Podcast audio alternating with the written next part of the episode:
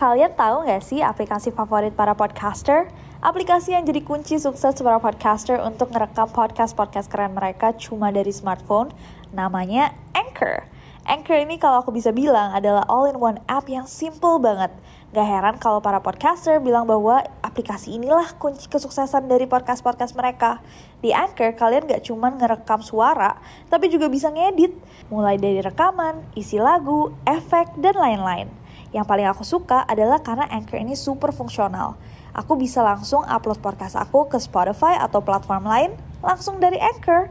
Kalian bisa download Anchor di smartphone kalian langsung dari App Store, Play Store, atau dari web mereka www.anchor.fm. Trust me, Anchor is your best friend to create stunning podcasts. And you know what? It's totally free. Hey guys, it's Nancy.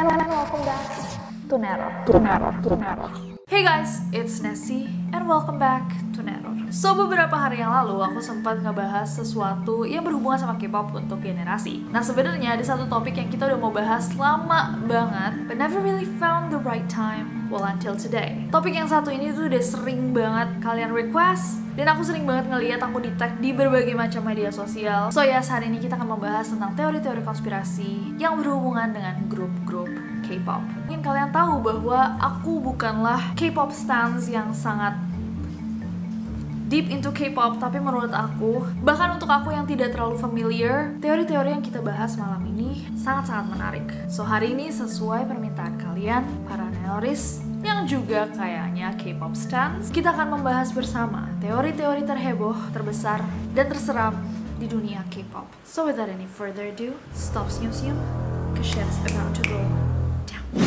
Disclaimer sebelum kita masuk ke materi malam ini, jika aku ada salah penyebutan atau sepertinya tidak mengerti sesuatu yang kalian mengerti, please langsung aja di-share di bawah. Jadi aku dan neroris-neroris lainnya yang kurang familiar, jadi bisa menambah wawasan. So kita akan mulai video ini dengan lagunya NCT 127.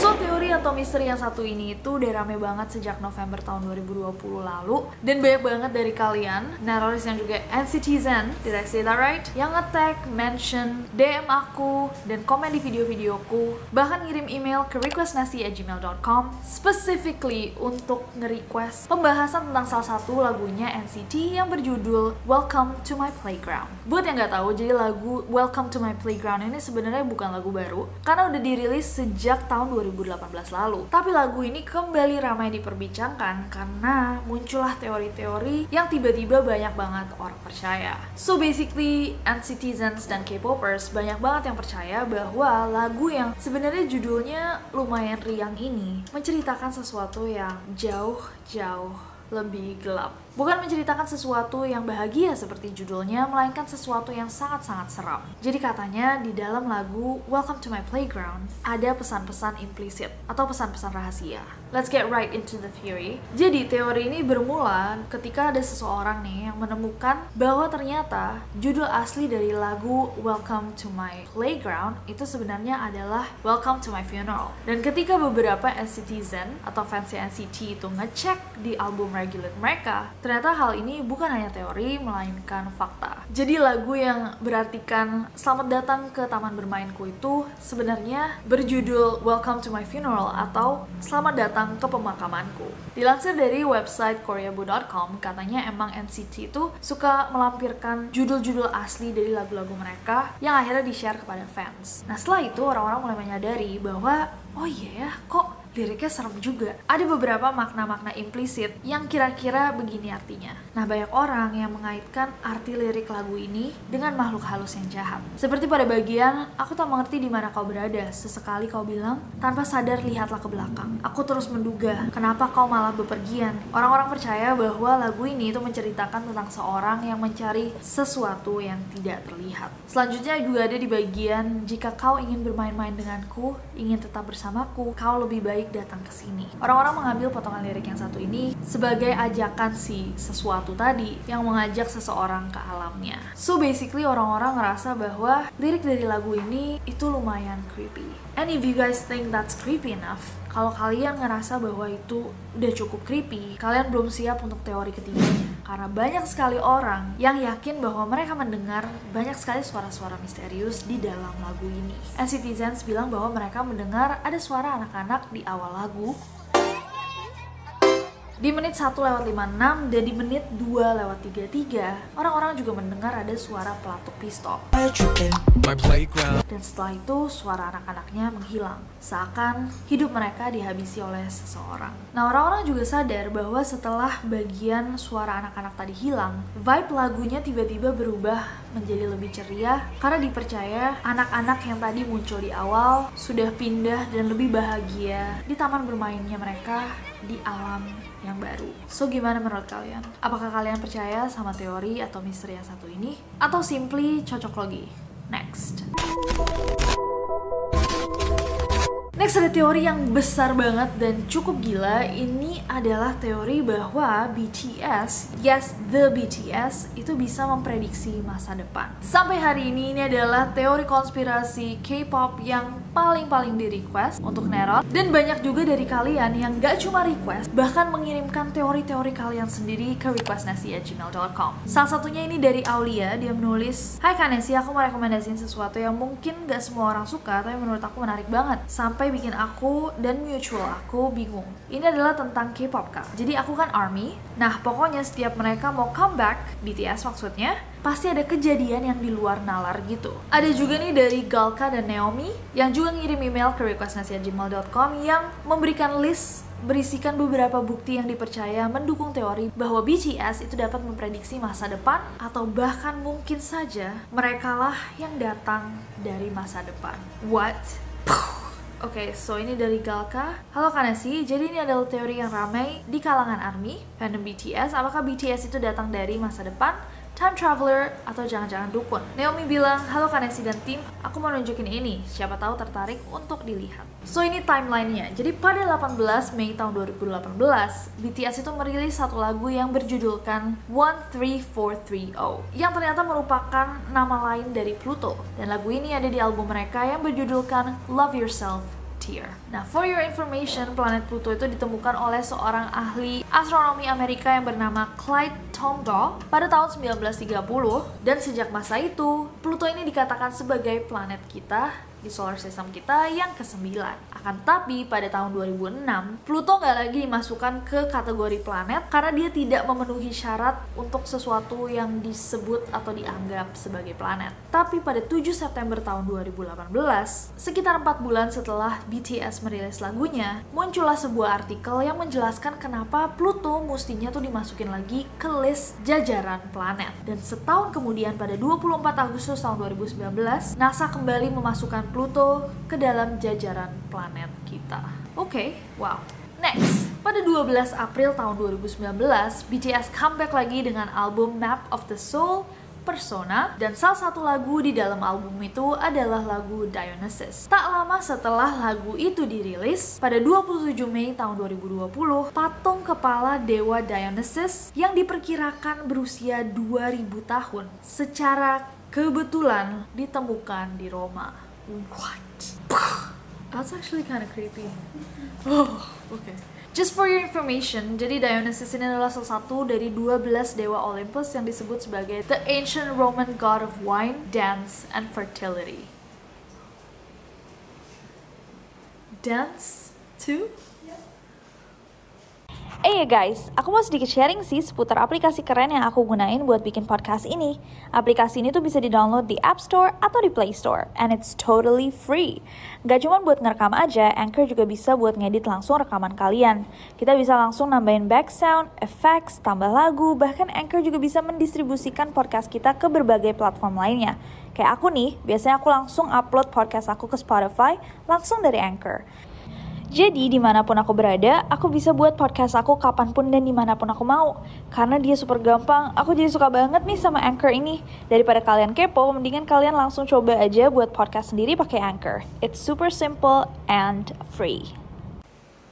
What the hell? Oke, okay, I'm not gonna lie, yang barusan bikin aku sedikit kayak, what? Next. Next pada 26 Juni tahun 2019, BTS ini merilis sebuah mobile game yang diberi nama BTS World. Nah, game ini dibuat oleh Netmarble yang dikembangkan oleh Take One Company Corporation. Nah, game BTS ini itu menceritakan kayak success story-nya BTS, perjalanan BTS dari mereka sebelum debut sampai mereka sukses. Dengan latar tahun 2012, pemain game ini akan menjalankan peran sebagai manajer BTS dan diberikan misi untuk membuat BTS debut di dalam game tersebut. Nah, game BTS World ini menggunakan salah satu lagu mereka yang berjudulkan Heartbeat sebagai soundtrack gamenya. Nah, seperti yang kalian lihat di sini, cover dari lagu Heartbeat ini memiliki gambar sebuah planet bernuansa salmon pinkish gitu. Kebetulan atau mungkin nggak kebetulan yang mind blowing banget adalah gak lama setelah game itu dirilis, seorang remaja berusia berusia 17 tahun bernama Wolf Sukir yang baru aja tiga hari magang di NASA itu berhasil menemukan planet baru yang diberi nama TOI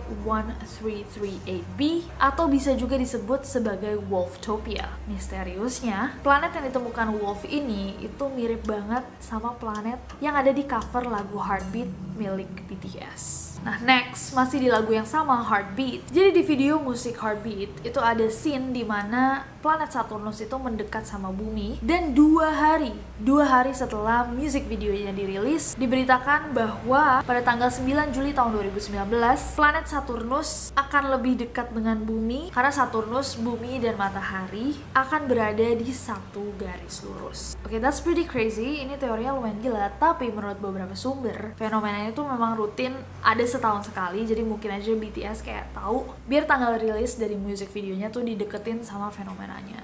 Yay or not? Coba komen di bawah.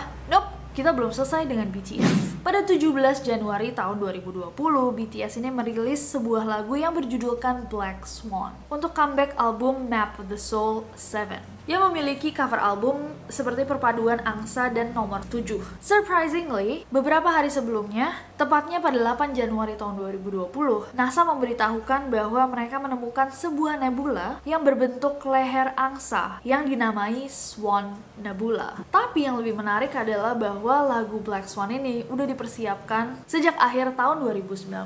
Terakhir, masih berhubungan sama cover Black Swan. Jadi, seperti yang kalian tahu, angsa itu kebanyakan putih.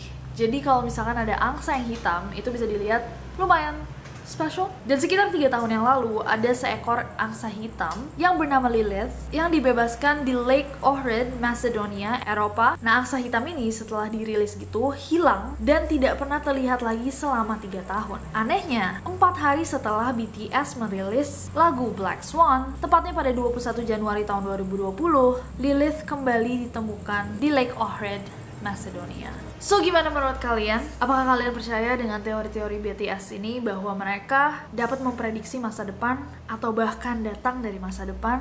Atau menurut kalian semua ini hanyalah kebetulan saja? Coba komen di bawah. Next. Oke okay guys, dan teori terakhir ini datang dari salah satu K-pop group favorit aku, Blackpink. Kalian pasti tahu girl band Korea yang besar banget dan sudah mendunia, Blackpink. Dan buat kalian yang blank, mungkin kalian sudah pernah beberapa kali mendengar bahwa ada rumor-rumor, teori-teori yang dipercaya orang-orang bahwa Blackpink terhubung dengan kelompok Illuminati. Nah setelah kita cek email ternyata udah banyak banget neroris yang request. Jadi kalau dari yang kita baca-baca, kayaknya teori bahwa Blackpink ini berhubungan sama The Illuminati itu bermulai dari kolaborasinya bersama Lady Gaga. Pastinya kalian tahu, she's basically the poster child dari teori konspirasi Illuminati dan dipercaya banyak sekali orang sebagai seorang pemuja setan. Nah selain itu, Blackpink juga tergabung di label rekaman Interscope Records yang menaungi banyak banget artis-artis yang dipercaya banyak orang juga sebagai bagian dari The Illuminati kayak Billie Eilish, Eminem, Dr. Dre, dan lain-lain. Jadi teori-teori ini bermulai dari eranya Kill This Love. Basically kalau misalkan kalian ikutin Blackpink, mungkin kalian berasa bahwa lagu Kill This Love itu selain iconic, merupakan lagu yang emang kedengaran sedikit berbeda dari lagu-lagunya Blackpink sebelum-sebelumnya. Kalau misalkan sebelumnya lebih kayak light, lebih fun, Kill This Love itu bener-bener kayak breakup anthem yang super strong dan bikin banyak orang ngerasa wah ini nggak nggak kerasa terlalu Blackpink gitu. Tapi nggak dikit juga yang berteori bahwa Kill This Love itu adalah turning point di mana mereka basically membunuh Blackpink yang lama. Atau mereka yang sebelum masuk ke Illuminati. Kayak ada salah satu scene-nya Rose di mana dia terlihat menabrak dirinya sendiri. And the whole song is basically about killing. Sepanjang lagunya mereka ngomongin tentang membunuh walaupun di liriknya adalah membunuh cinta itu, tapi banyak yang beranggapan bahwa itu bukanlah satu-satunya mereka bunuh. Nah, nggak lama setelah Sour Candy, kolaborasinya Blackpink sama Lady Gaga keluar, Blackpink merilis lagu How You Like That pada 26 Juni tahun 2020. Nah, video klipnya How You Like That itu meraih 86,3 juta views hanya dalam waktu 24 jam sejak videonya dirilis ke YouTube. Nah, lagu ini juga meraih beberapa rekor dunia dari Guinness World Records, di antaranya adalah video YouTube yang paling banyak ditonton dalam waktu 24 jam, video musik yang paling banyak ditonton di YouTube dalam waktu 24 jam, Oh beda. Dan video musik grup K-pop yang paling banyak ditonton di YouTube dalam waktu 24 jam. Namun dibalik kesuksesan lagu ini, ternyata banyak orang yang malah berpikir bahwa ada pesan-pesan tersembunyi dan unsur-unsur satanisme yang tersembunyi dalam video klipnya Blackpink. Kita bisa lihat di musik videonya bahwa pertama-tama ada sayap hitam raksasa sayap-sayap raksasa yang muncul di music videonya How You Like That itu diyakini sama banyak orang sebagai simbol The Fallen Angel atau Lucifer yang merupakan raja iblis yang disembah oleh kaum pemuja setan. Simbol sayap hitam itu emang juga sering banget digunakan di banyak video klip video klip orang-orang lain yang dipercaya memiliki keterkaitan sama The Illuminati kayak Ariana Grande, BTS, dan TXT. Beberapa orang meyakini bahwa sayap hitam itu biasanya digunakan untuk menunjukkan bahwa orang tersebut sudah dikuasai atau tergabung dalam The Illuminati. Yang kedua ada tato-tatonya Jisoo. Di salah satu scene dari video klipnya How You Like That, terlihat ada Jisoo yang duduk di samping tembok yang retak dan di situlah terlihat kayak ada beberapa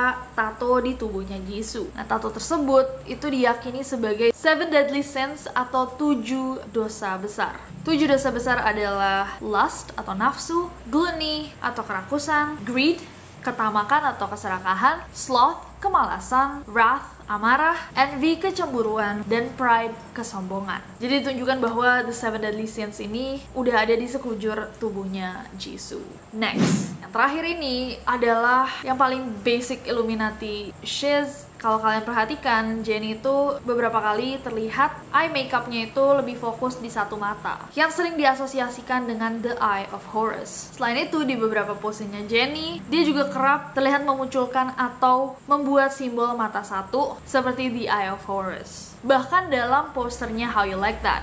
Gimana menurut kalian?